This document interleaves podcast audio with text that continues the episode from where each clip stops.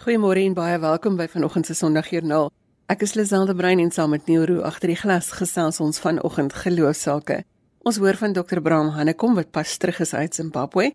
Daar is Jooste van Clarence vertel van haar werk met vroue en Ilse Oosthuizen van Durban deel met ons haar geloofstorie en ons gaan ook hoor van Bernard en Chris Marie Joubert van die Dorings oor hulle geloofspad. Sondagjoernaal is as 'n potgooi beskikbaar. Ons kry elke week navrae hieroor en die antwoord is ja, soos ek van tevore gesê het, is beskikbaar by RSG se webwerf by rsg.co.za. Jy gaan soek by die potgooi of by op lig gehoor en as jy Sondagjoernaal daar intik met vandag se datum, sal die program daar wees. Ons nooi jou uit om saam te gesels per SMS by 45770. Dis elke Sondagoggend vir ons goed om te weet dat jy saam luister en dat jy saam dink en saam gesels oor geloof en godsdienst en spiritualiteit. Jy kan ook saamgesels op Facebook. Ons sit elke week ons program se inligting daar, so hier min of meer teen 'n donderdag en natuurlik is al die inligting ook gelaai op RSG se webblad by rsg.co.za.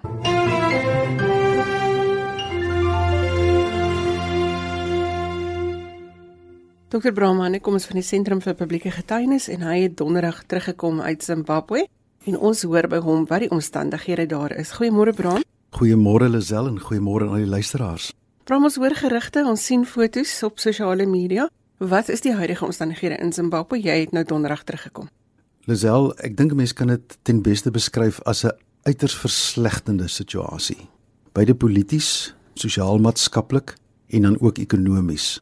Ons het uh, so 2 weke gelede by publieke getuienis eintlik minder 10 dae gelede na gesprekke met mense in Zimbabwe net besluit dat ons 'n draai daar moet maak en het toe die afgelope paar dae met uh, regsgeleerdes, uh, mense soos die Zimbabwean Lawyers for Human Rights, die Counselling Service Units, dit is mense wat slagoffers van mishandeling deur die polisie uh, mishandel, meer as 300 van hulle al, meer as 900 mense wat in hegtenis geneem is.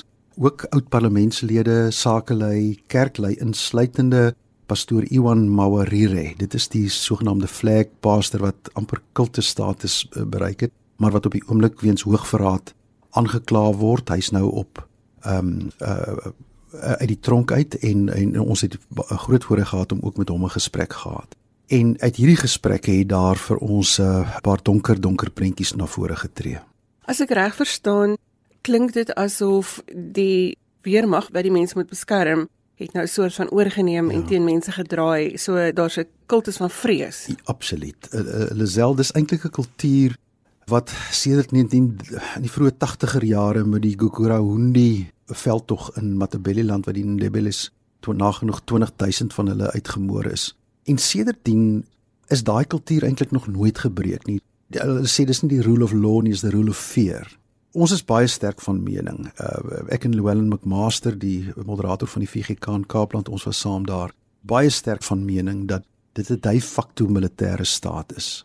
En soos Iwan Mauriri ook gesê het, ons het nooit gedink dat daar 'n dag sal kom dat uh, ons regering so teen sy eie mense optree nie. 'n Weermag is veronderstel om 'n land teen aanval van buite te beskerm, nie om jou eie mense regtig so te behandel. En dit is daar's al die getuienis van verkrachtings en vrouens wat met stokke en eysterstawe geslaan word en ek het selfs foto's gesien van 'n vrou wat kort afstand in haar rug geskiet word. Jy weet dit is dit is regtig nie dis 'n donker prentjie, maar jy sou vra hoekom?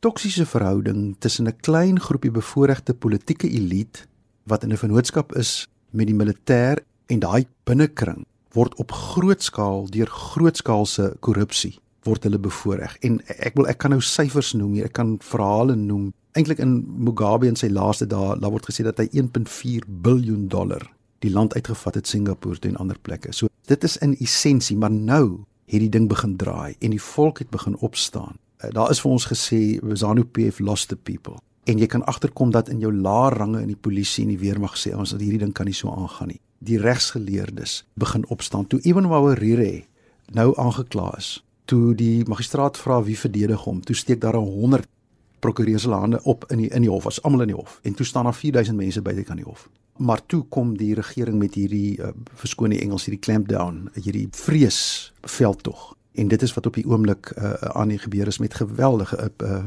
implikasies vir die ekonomie en alles wat daarmee saamgaan. Maar watter rol kan die kerk dan nou speel, Bram, in hierdie in allerlei omstandighede? Eh, weet jy Lisel, laat ek eers so begin. Ek ek het net weer opnuut bewus geword ook van die rol van die kerk net met ons gaan. Ek bedoel, hoe gaan jy nou in Zimbabwe in en wil sê binne 3 dae reël jy 'n besoek soos hierdie. As dit nie vir die kerk was en ons kontakte in Zimbabwe en, en mense wat oor jare, die kerk is al 100 jaar in Zimbabwe. En daar is gesprekke, ek wil ons kon uh, jy weet ek kon onmiddellik die foon optel en ek kon praat met aartsbiskop Tabo Magoba. Uh, sy kantoor is in gesprek met met mense daar in Zimbabwe. Talle talle kerklei met wie ons kan praat. So dit is 'n netwerk. Daar is ook aanduidings dat die kerke binne Zimbabwe nou gaan probeer om 'n sogenaamde vredesontbyt te reël met Mnangagwa en die oppositie.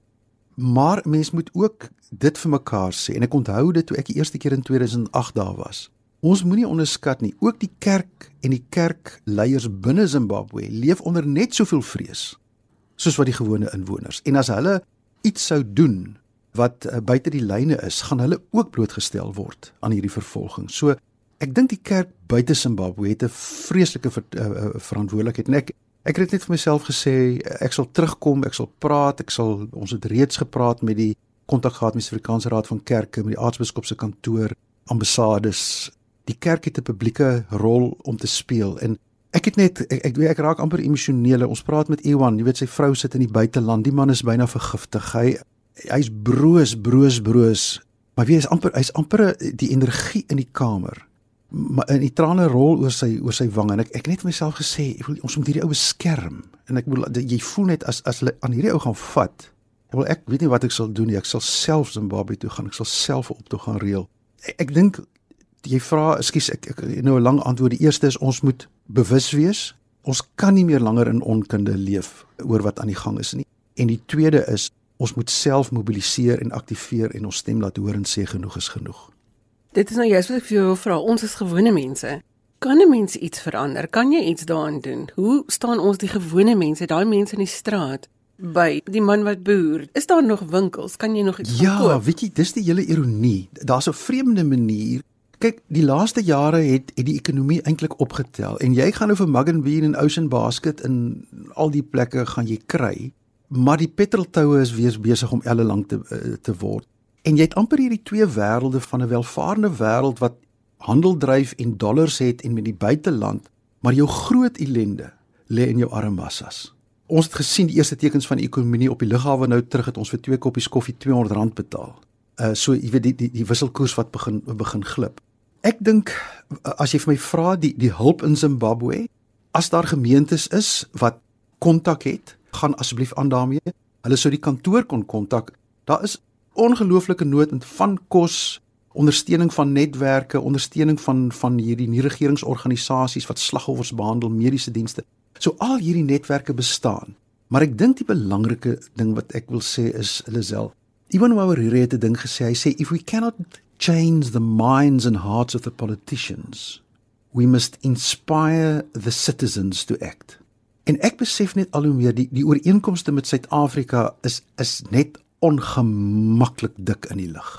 En die ding wat ons so lank al en ek dink ons het op hierdie program daaroor gepraat om die publieke samelewing bewus te maak, te aktiveer wanneer hierdie tipe vergrype of dit korrupsie is en of dit geweld is, uh, wat dit ook al is, as dit in jou in jou dorp, in jou omgewing begin plaasvind, nê. Nee, Moenie dink dit is maar net iets wat kan aangaan nie. Dit is klein virusse wat eintlik meespeel in 'n baie baie baie groter siekte wat 'n land dan in sy geheel tref. So natuurlik gebed. Neem deel aan die sosiale platforms. Laat jou stem hoor waar jy dit kan hoor. En die die een van die redes hoekom ons so so so angstig is, is omdat ons net te veel ooreenkomste sien met Suid-Afrika. Net 'n laaste een, daar's duidelik vir ons gesê dat Mugabe se ding met die plaasonteeneming was nie so seer teen die wit boere nie. Hy was besig om mag te verloor en het toe 'n populistiese grondbeleid op die tafel gesit om sy eie mag te herwin. Nou klink dit nou nie vir jou bekend oor wat op die oomblik in sommige kringe in Suid-Afrika gebeur en gesê word nie. En so kan ek baie die korrupsie, die klein groep bevoordiging en dan die die twee goed wat ons in Suid-Afrika nog het wat ons met alle mag moet beskerm. Eintlik drie goed is die vryheid van die media, jou onafhanklikheid van die regbank, jou militêre en polisie. Die oomblik as jy agterkom dat daai vergrype begin plaasvind, dan moet al die rooi ligte vir jou aangaan ook as 'n gewone burger. So ons as gewone burgers moet ons stem laat hoor. Jy kan nie terugsit en dink hierdie ding gaan homself uitspeel nie want dit word net erger. A Absoluut. En baie keer is dit juis die gewone burgers omdat in die hoë politieke echelons is daar soveel gevestigde belange, ook internasionaal, dat daardie lande dikwels moeilik is om op die senior vlak regtig mekaar aan te vat. So dit is jou nie regeringsorganisasies, jou gewone burgers wat die stem sal moet hoor en die kerk het 'n deurslaggewende rol om te speel. Bram in ons program praat ons met 'n boodskap van hoop. So kom ons sluit af. Wat sê ons oor hoop vir Zimbabwe? Weet jy, dankie vir daardie vraag. Zimbabwe is 'n gekneusde land tot in sy diepste siege. As jy oor soveel jare in 'n kultuur van geweld lewe, eintlik hy fakte onder 'n militêre regering, die moorde, dit is dis verskriklik. Maar dis 'n pragtige land. Dit is 'n ryk land. Dit is 'n welvarende land. Dit is 'n groen land op die oomblik. Daar is ek wil sommer teruggaan en gaan vakansie hou daar. Dit is dit is so 'n fantastiese plek. En met van en laat ek byvoeg met die ongelooflikste mense, skerp mense, intellektuele mense, ons het met akademici gepraat.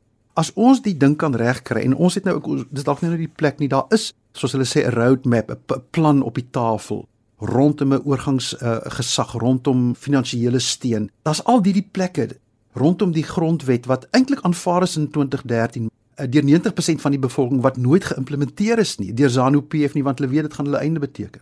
Nou as as al die goed in plek kan kom, het ek geen twyfel dat dit een van die wonderlikste lande in Afrika en op die planeet kan wees. Wie jy ry deur daai groen lanings van die stad Maar wie dis of daar 'n energie deur jou are vloei. Dit is net 'n ongelooflike plek.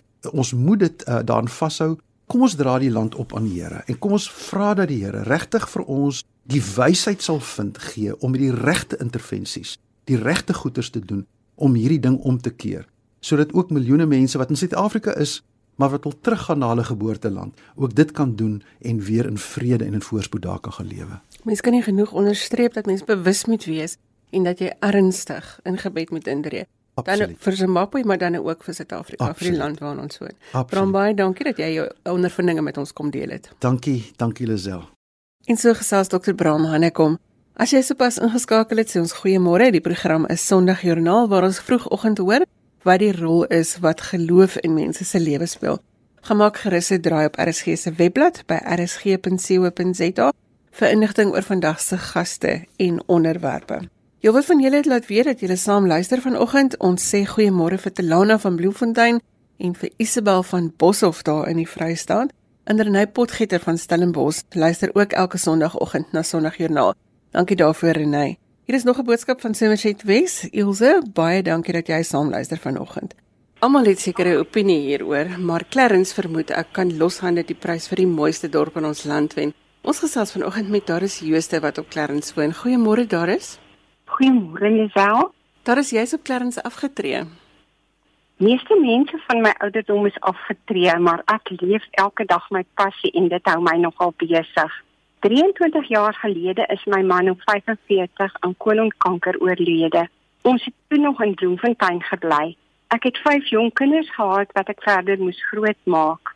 Na 5 jaar in 2001, nadat my jongste kind klaar gemaak het met skool, het ek om besluit om Clarence toe te verhuis. Verder wou ek my lewe daaraan toewy om vir die hopeloses hoop te bring en vir al vroue te help om emosioneel gesond te word. Gedurende 2002 het ek 'n geleentheid gekry om saam met 'n CSV diensjaarspan Rusland toe te kon gaan vir 3 maande. Terwyl hulle soms jeugkampe in die woude aangebied het, het ek by die Russiese vroue in die kerk agtergebly. Deur middel van 'n tolk het ek dan saam met hulle gesels en gebid.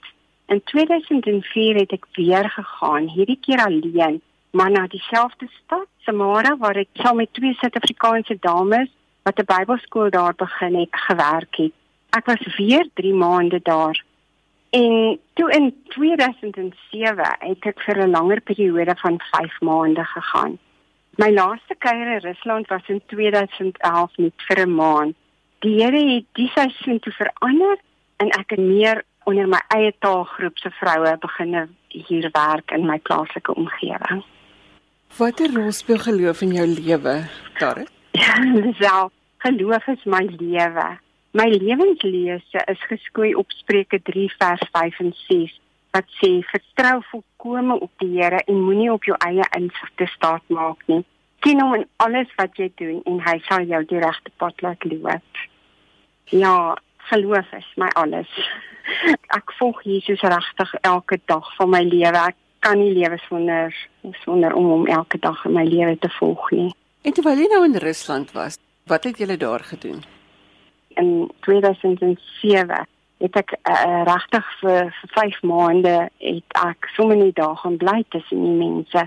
En toe het ek hulle nou al mooi geken want dit was reeds my derde keer. En ek het saam met die Russiese vroue Bybelstudie gehou. Ek het byvoorbeeld 'n groep gehad van vir die Russiese vroue dat se kinders in die tronke was weens verskillende oortredings. Ek het saam met hulle uh, met groepe met vroue gesit en na hulle geluister en eintlik sommer net vir hulle moed ingepraat en saam met hulle gekuier en vir hulle gebid. Dit is wat ek gedoen het. So ek het basiese basiese lewensondersteuning vir hierdie mense gewees. Dit was 'n lewensondersteuning. Ek het daar aangekom en die groot ding wat met my daar gebeur het in 2007. Uh in daai tyd uh, was ek oortuig geweest dat Erik Kamerinde wat die Bybelskool daar het nog daar sal wees want ek het eintlik na hulle toe gegaan. Hulle was daar toe ek daar aangekom het, maar na 3 weke het, het hulle die Bybelskool aan die Russe oorhandig en hulle het teruggekom Suid-Afrika toe en hulle werk verder in ander lande voortgesit en ek het alleen agtergebly in daai stad. Dit was nogal 'n groot ding vir my om alleen daar agter te bly, maar ek was baie baie seker dat ek binne die, binne die wil en plan van God was ek het regtig vir 3 weke het ek vir die Here gevra waar jy nou? En hy het vir my die woorde in Engels gegee. To be with them and to live amongst them. Dit is die woorde wat ek gekry het en dit is regtig wat ek gedoen het in daai 5 maande. En hoe hou jy jouself aan die gang in daai 5 maande? Het jy gewerk of hoe kry ek wonder altyd waar kom mense inkomste vandaan? Weet jy, Lisel, ek glo as God jou roep, is hy bevoeg om jou te onderhou en dit sal jou 'n uur lank en my uur lank neem om dit vir jou te vertel.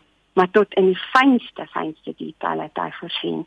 Die tolk wat ek gehad het moes ek per uur betaal het. Voordat ek vertrek het het ek 7000 rand spesifiek gehad om die tolk te betaal. So die liewe Here het regtig vir my in absoluut elke detail voorsien. Jy sal verstaan ek is 'n pensionaris en daar was nie 'n manier hoe ek myself dalk kon kry nie. Maar ek glo as God jou roep, is hy bevoeg om jou te onderhou en dit is presies wat hy gedoen het elke keer wanneer ek gegaan het. Jy het nou vertel van die vroue saam met wie jy gewerk het in Rusland, maar jy doen nou ook kampe in die Vrystaat. Kan ons net eers vra hoe oud is jy as jy nie omgee of ons te sê nie daar is? Binne daar is ek 69 jaar oud. 69 jaar oud. Jy vier 'n groot verjaarsdag binnekort. Jy doen kampe in die Vrystaat, so jy werk nie onder die vroue en veral ook boerevroue in Clarence en die Vrystaatse gemeenskap. Vertel ons daarvan. Ja, omdat ek teruggekom het Suid-Afrika toe, dit is regtig amper onmoontlik om vir my op my ouderdom alleen te reis. Want jy kan nie direk Moskou toe vlieg nie. Jy moet dit neem 'n paar 'n tydjie om daar uit te kom. En daarom het ek besluit ek bly in Clarence en ek ek het begin werk onder vroue in my eie omgewing en ek het regtig 'n passie vir die Suid-Afrikaanse vrou en spesifiek vir die boervrou. En so 3 jaar gelede het ons ons eerste vroue kamp in die Oos-Vrystaat gehad. 2017 het ons weer gekamp. Ek sê kamp, maar ons hou dit in die Golden Gate. Daar is 'n opvoedkundige sentrum waar skole groep ontvang word. Dit is 'n tipiese CSV kampterrein en ja, ons hou ons derde vroue kamp 5, 6 en 7 April. Daar is 'n e-pos waarheen hulle kan skryf. Die e-pos is 2019 vrouekamp by gmail.com. Daar's ook 'n telefoonnommer. Telefoonnommer is 064 351 7395. Daar is wat is jou ervaring? Wat is vroue se behoeftes in hierdie tyd? Wat is hulle geloofsbehoeftes? Hulle geloofsbehoefte is om hoop te kry, om weer te glo in die lewe, om te weet dat die lewe is nie saai nie. en dat ons hier op aarde reeds in oorvloed kan lewe. Dit beteken nie net finansiëel nie, maar in oorvloed om blymoedig en vol vreugde te kan lewe, want ons weet in wie ons glo. Goed, so jy kan vir Doris kontak by 2019 Vrouekamp by gmail.com of jy kan vir haar skakel by 064 351 7395. Al hierdie details sal ook op ons internet reklame wees by RSG se webwerf by rsg.co.za of jy sal dit op ons Facebookblad ook kan kry. Daar is baie dankie dat jy 'n stuk van jou lewe wêreld met ons gedeel het vanoggend. Baie dankie Elisabeth. Goeiemôre hier van uit Kaapstad. Jy luister na Sondagjoernaal en ons soek al die positiewe stories waar geloof 'n verskil maak. As jy een van daardie geloofstories het, kan jy gerus van jou laat hoor. Ek gaan aan die einde van die program my kontakdetail gee hiervoor. Ilse Oosthuizen is 'n luisteraar van Durban en sy verdeel vanoggend 'n stuk van haar geloofpad met ons. Goeiemôre Ilse. Goeiemôre, Lisel. Ilse, vertel ons wat is jou agtergrond? Ek het jare gelede by die Goudstadse Onderwyskollege diploma gekry in onderwys en toe ek by die SAIK gaan werk en ek was vir jare lank by die SAIK in die televisiebedryf en toe in joernalis en daarna in die mediabedryf. En ek het baie tydskrifte uitgegee en koerante en bylae en basies na, na 30 jaar is ek nog steeds so half van vryskut in die media maar ek het 'n ander pad 'n pad van geloof wat ek ook stap Is nou jy is in die omgewing jy werk met mense watter rol speel geloof in jou lewe My geloof is alles Dit is vir my die begin en die einde van elke dag die begin en die einde van elke maand en elke jaar. En ek glo dat ons op hierdie aarde geplaas is met 'n verskriklike spesifieke doel. En dat ons elkeen vir die Here kan werk en 'n pad van geloof kan loop as ons gehoorsaam is aan wat die Here se wil in ons lewens is. En, en vir my in my geloof het ek probeer om werklik waar fyn die geloofspad te loop en te doen en met mense in kontak te kom en mense te help om by te staan vir die tydperk wat die Here hulle oor my pad gestuur het. Daarom is my lewe vir my so sinvol en betekenisvol selfs tot vandag toe. En vir my is geloof alles. Jy sê Durban is 'n Engelse gemeenskap. Hoe lyk die geloofsgemeenskap in die area waar jy bly? Waar ek nou op die oomblik is in Durban Noord, is daar verskriklik baie kerke. Daar is verskriklik baie Christene daar's wonderlike mense. Ek het voorheen in die Maskryf area gebly. En daar, ek dink dis een van die areas in Suid-Afrika waar die meeste kerke is.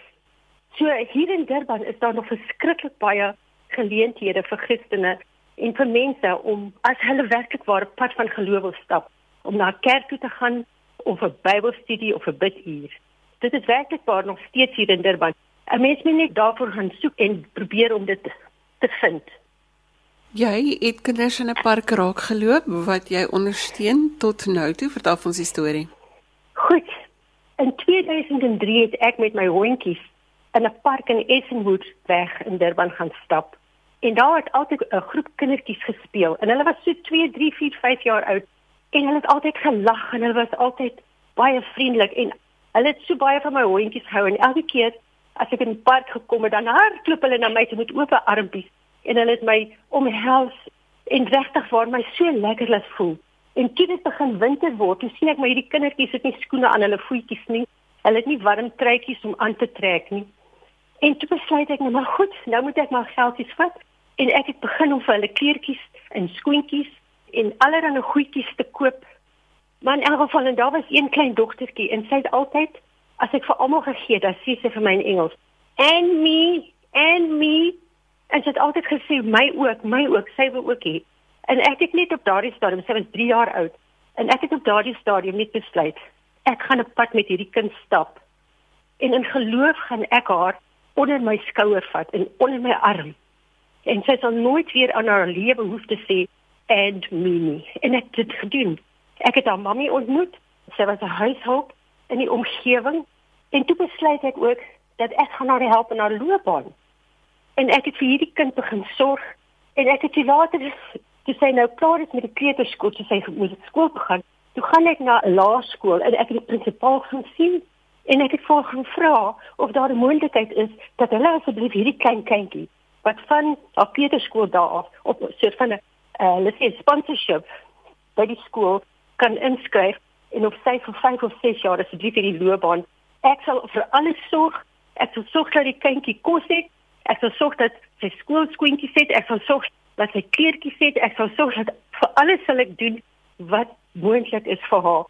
Om te sien dat sy op dieselfde vlak as al die ander kinders in die skool kan presteer. En dit het so gebeur die Here het die deur oopgemaak en sy hoef nooit sy nie een dag skool vir jou betaal nie, maar ek het haar elke oggend van haar graad 1 af het ek haar by haar huisie genaal waar sy by haar mamma gebly het.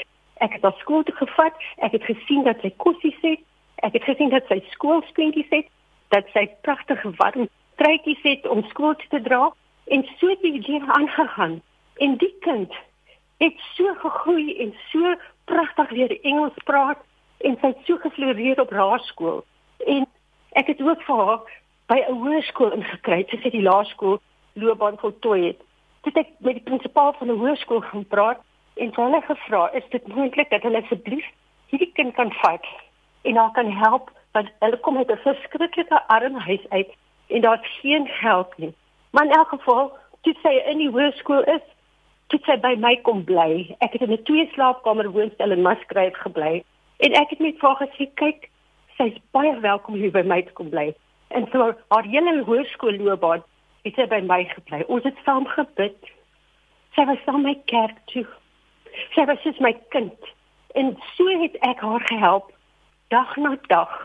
As sy probleempies gehad het, kon sy altyd na my toe kom. Sy kon altyd vir haar mamma gaan kuier. Hulle bly in so klein ou singhuisie daar in Meywil. Was dit altyd vir haar mamma gaan kuier? Ek het dan nooit van haar familie af weggaan nie. Maar ek het 'n pad saam met hierdie kind geloop totdat sy haar graad 12 verlede jaar geskryf het. En vir my was dit die wonderlikste voorreg om so 'n belewenis te hê. Want ek het geen kinders nie, maar die Here het vir my 'n kind gegee. Die Here het vir my 'n familietjie gegee waarna ek kan kyk. Ek het haar mamma later het ek vir haar 'n werk gekry in ons kerk en haar mamma het geld begin verdien, goeie geld en hulle hele familie is so arm maar ek het 'n pad saam met hierdie kind geloop. En dit is vir my net die wonderlikste voorreg wat ek kan hê in my lewe om te weet dat my lewe was nie sinneloos nie dat my pad van geloof nie sinneloos was nie. En dat ek 'n lewenslange verhouding en 'n band met 'n kind het. En ek wil net vir almal wat vandag luister net sê dat wanneer 'n mens in hierdie wêreld is en jy voel so alleen en jy dink daar's niemand in hierdie lewe nie al wat 'n mens moet doen, jy moet net in jou onmiddellike omgewing kyk. En jy moet net in jou onmiddellike omgewing die nood raak sien van net een kind. En as elke een van ons in Suid-Afrika net een kindjie kan vat en 'n pad met daai kind kan stap. Wie weet wat 'n wonder kan ons in Suid-Afrika in ons land doen. Ek het 'n pad met geloof met haar gestap. Sy het geslaag, sy het graad 12 geskryf. Sy het geslaag en Ek het soveel gebid dat die Here asseblief vir haar 'n deur moet oopmaak, maar ons het nie geld om haar universiteit te stuur nie, want dis daar is dit so duur. En ek het so gebid dat die Here die regte pad vir haar moet oopmaak. En 5 dae gelede het sy 'n lieflike werk gekry by 'n prokureursfirma hier in Durban. So sy werk nou en sy gaan nou geldjies verdien. En dit is die kind die pad wat ek saam met haar geloop het en dit is my geloofspad. Ilse, as jy nou vandag 'n boodskap het vir mense wat luister, wat sou dit wees? Ek los net hierdie laaste teksvers uit die Bybel. In Jeremia 29 sê ek weet dat ek vir julle beplan, sê die Here, voorspoed en nie teenspoed nie. Ek wil vir julle 'n toekoms gee, 'n verwagting. Dan sal julle my aanroep tot my bid en ek sal julle gebede verhoor. Ilse, ek sit met 'n glimlag op my gesig want dit is die doel van ons program om te hoor hoe mense inspireer en waar hulle verskil maak en selfs al is dit net in een mens se lewe dan het jy iemand se lewe verander. Baie dankie dat jy jou storie met ons gedeel het en dat ander mense dit ook as 'n voorbeeld kan gebruik om te sê dit is moontlik om 'n verskil te maak. Dankie dat jy saamgesels het.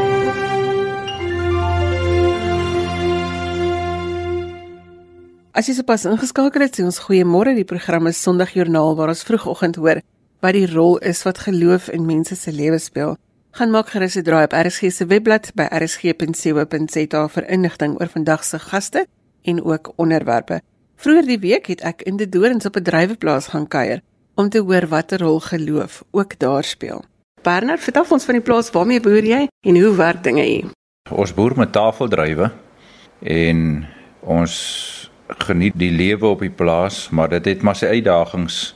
Ons is vir hierdie jaar deur een van die ergste droogtes wat ons nog ooit gehad het en dit was vir ons 'n moeilike jaar, maar deur dit so ons geloof versterk in sekere goed wat sommer net gebeur het, 'n reënbuy wat in die Karoo uitsak en sommer net water in ons dam kry wat ons weer 3 weke lank hou en ja, sommer net goed wat gebeur het en dat ons eintlik in hierdie droogte regtig die Here se hand kon beleef. Want dit is maar met die boerdery is mos nou maar 'n geloofsaak in 'n in 'n groot mate want ons is van die natuur afhanklik en jy kan baie goed beplan maar op die ouend gebeur dit soos jy het nie die beheer oor wat gebeur hier so dit is maar geloof in in God wat op die ouend mense staande bring en wat op die ouend maak dat mense kan aangaan.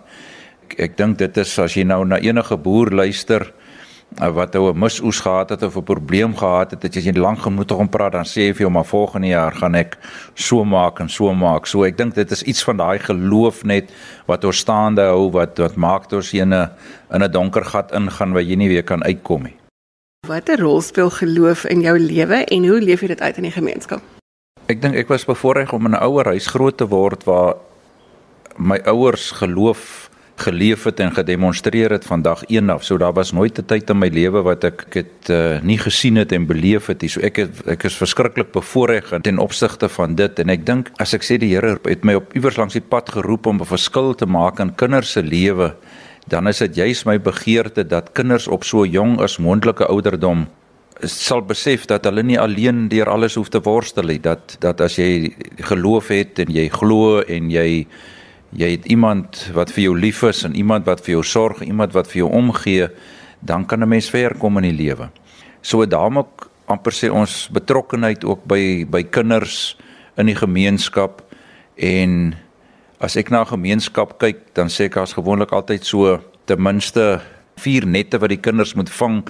En dit is die die familie, die skole, die kerk en die gemeenskap en ons probeer regtig om dat al vier hierdie groepe hande vat en dat al vier hierdie groepe ons kinders in die gemeenskap beter probeer bedien sodat ons kinders nie deur hierdie nette en onder, onder in die gemors val nie dat ons ons kinders kan beskerm en dat kinders um ja dat hulle 'n pad van geloof kan stap maar dat hulle ook fisies en gesond sal wees en dat hulle families gesond sal wees.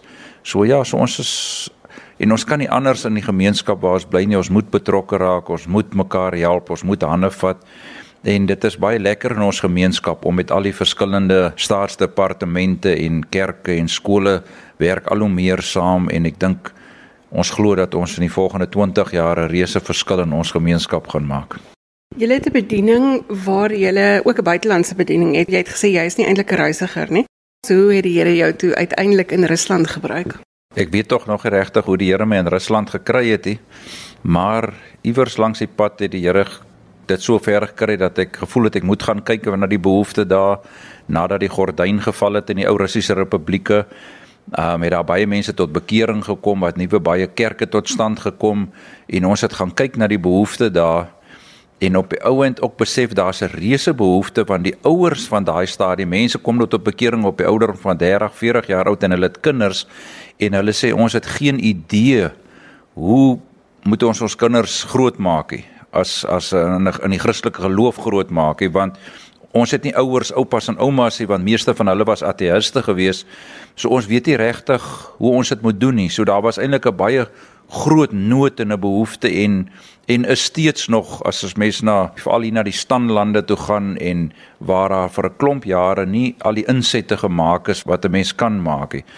En omdat die materiaal wat ons aanbied en die goed wat ons aanbied baie verhoudingsgerig is, maak dit 'n ongelooflike verskil in mense se lewens aan daai kant. Maak in eerste plek verskil in die mense se lewens wat ons oplei en toerus en baie keer sien jy die impak daarvan in 'n hele gemeente en nie net selfs in die kinders nie. En ons is nou so vir 20 jaar al daarmee besig en dis ongelooflik nou vir ons om te sien dat kinders wat die afgelope 20 jaar deur hierdie prosesse is hoe hulle die nuwe leiers word nou van die kinderbedienings en van as dit byvoorbeeld hulle het hulle vir jare groot kamp gehad daar waar hulle ook maar eh, so 'n summer camp wat hulle noem wat hulle ook maar waar ons weer mense kry wat ons eintlik vir hulle demonstreer hoe doen ons dit dat hulle dit weer op hul eie gaan doen en die helfte van ons leiers vir jaar was kinders wat die afgelope 20 jaar deur die kinderbediening gekom het. So dit is ons betrokkeheid daar ek moet net sê om ons daar te kon kry was was regtig 'n geloofstap om ons, ons moes die plaas vir lang tye los. Partykeer tot tot 3 maande lank was ons weg van die plaas af en ons moes vertrou dat die Here dit sal voorsorg. Want voordat ek by kinderbediening betrokke geraak het, was ek nooit meer as 2 weke lank vakansie gehou nie. Ek het die plaas nooit meer as 2 weke op sy eie gelos nie. En dan het ek nog elke tweede dag gebel om te hoor of alles nog hier is. So dit was 'n groot geloofstap om die plaas vir 3 maande te los en eers te gaan vir opleiding by by Petra Instituut in, in in 1997 en toe nou later jare om vir langer tye Rusland toe te gaan. Chris Marie se ma, watter rol speel geloof in jou lewe en hoe het jy in daai tyd met alles wat jy gedoen het? Ek wil net eers vir sê ja, Bernard het vir my gesê hy het geen begeerte om ooit oor see te gaan nie en toe hy nou die dag vir my kom sê dat hy voel die Here het hom geroep om Oekraïne en Rusland toe te gaan, het ek amper van my stoel afgeval En in daai tyd het die Here met my ook om werk en met my hart kom voorberei vir dit wat hy daar beplan het. En ek het werklik vir die Here gesê ek is bereid om te gaan. Hy moet asseblief net nie vandag vir my sê ek moet môre China toe gaan of ja, ek ek wil graag lank voor die tyd weet. En toe Bernard die eerste keer terugkom uit die Oekraïne uit, uh, toe het hy vir my gesê ons gaan volgende jaar Junie vir 3 maande Oekraïne toe. En dit sit vir my soos 'n sjoe Here ja, ehm um, het regtig vir my lank genoeg tyd gegee om my voor te berei vir dit. En in daai tyd wat ons moes voorberei om nou met ons drie kinders wat 2 jaar en 4 jaar en 6 jaar oud was te gaan, het ek regtig net vir die Here gesê, Here, ek gaan onvoorwaardelik, want ek is baie higiëne bewus en ek, ek het geen idee gehad wat aan die ander kant vir my wag nie en hoe berei jy jou kinders voor? En ek het daar gekom en die Here het vir my regtig dag vir dag gedra om die seuns op die pad te kan lei en ek het net gesien jy jy kom nie so gou iets oor en jy kan met die minimum klaarkom. So ja, dit is regtig 'n geloofstap gewees. Ek dink die die amper sê geloof gebed is vir my op die ouend kan ons met die Here praat en ons kan sy stem hoor en en ons kan glo dis die regte goed om doen maar ek, iets wat daarmee saam vir my gaan is die gehoorsaamheid om op die ouend te gaan doen. Ehm uh, want ons voel nie altyd bevoeg vir dit wat ons moet doen nie. Maar iewerster amper sê gebed is is is die tyd wat ons met die Here span wat hy ons beweeg daarna toe om om ons te kry. Iewerster moet ons met hom praat en hy moet met ons praat. So ek ek dink dis 'n hele dis 'n hele proses. Ehm um, om daai uitgewerk te kry. En baie keer praat mense maar hoe het jy geweet jy moet gaan? Ek sê dit is ek kan nie eintlik vir jou sê nie maar ek weet dit was 'n proses wat ons met die Here gepraat en hy het met my gepraat en en op die ouend het ek geweet. So ja so gebed speel 'n ongelooflike rol en en en ek dink nog baie meer as ons eie gebed is die gebed van hordes mense wat vir ons bid. Um uh, vir ons bediening in die in die in, in die Oekraïne, Rusland, daar's baie mense aan daai kant wat bid. Hierdie kant is baie mense wat ons bid. So as mens terugkyk na 20 jaar, dan weet jy net dit is nie mense se werkie, dit is hier het 'n klomp goed gebeur en dit is 'n werk van 'n klomp mense wat tyd in gebed spandeer het. Wanneer dit is droog, ons weet die boere vir verskeie redes is hulle onder moeilike omstandighede. As ons ver oggend vir hulle 'n boodskap kan gee in geloof, wat sal jou boodskap wees vir ander boere?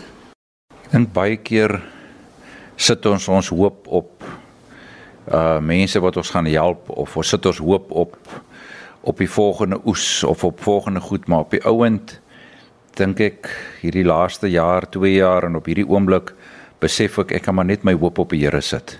Dat ek net by sy voete kan sit en dat ek amper sê my oë net gerig op, op hom moet hou en dat my soeke en my planne amper sê via hom moet gaan.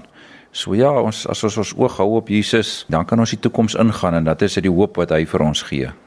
En daarmee het dit geword vir my om te groet. Jy kan vir my e-pos met kommentaar of as jy 'n geloostorie met ons wil deel. My e-posadres is lazel@wwmedia.co.za. Volgende week is Robin weer terug. Sy's 'n bietjie oulik vanoggend, maar volgende week sal sy saam met my agter die mikrofoon inskuif. Tot volgende week groet ek dan ook namens produksieregisseur Neil Roo. Maak 'n verskil in iemand se lewe, reik uit en maak iemand se dag makliker, soos gewoonlik. Totsiens.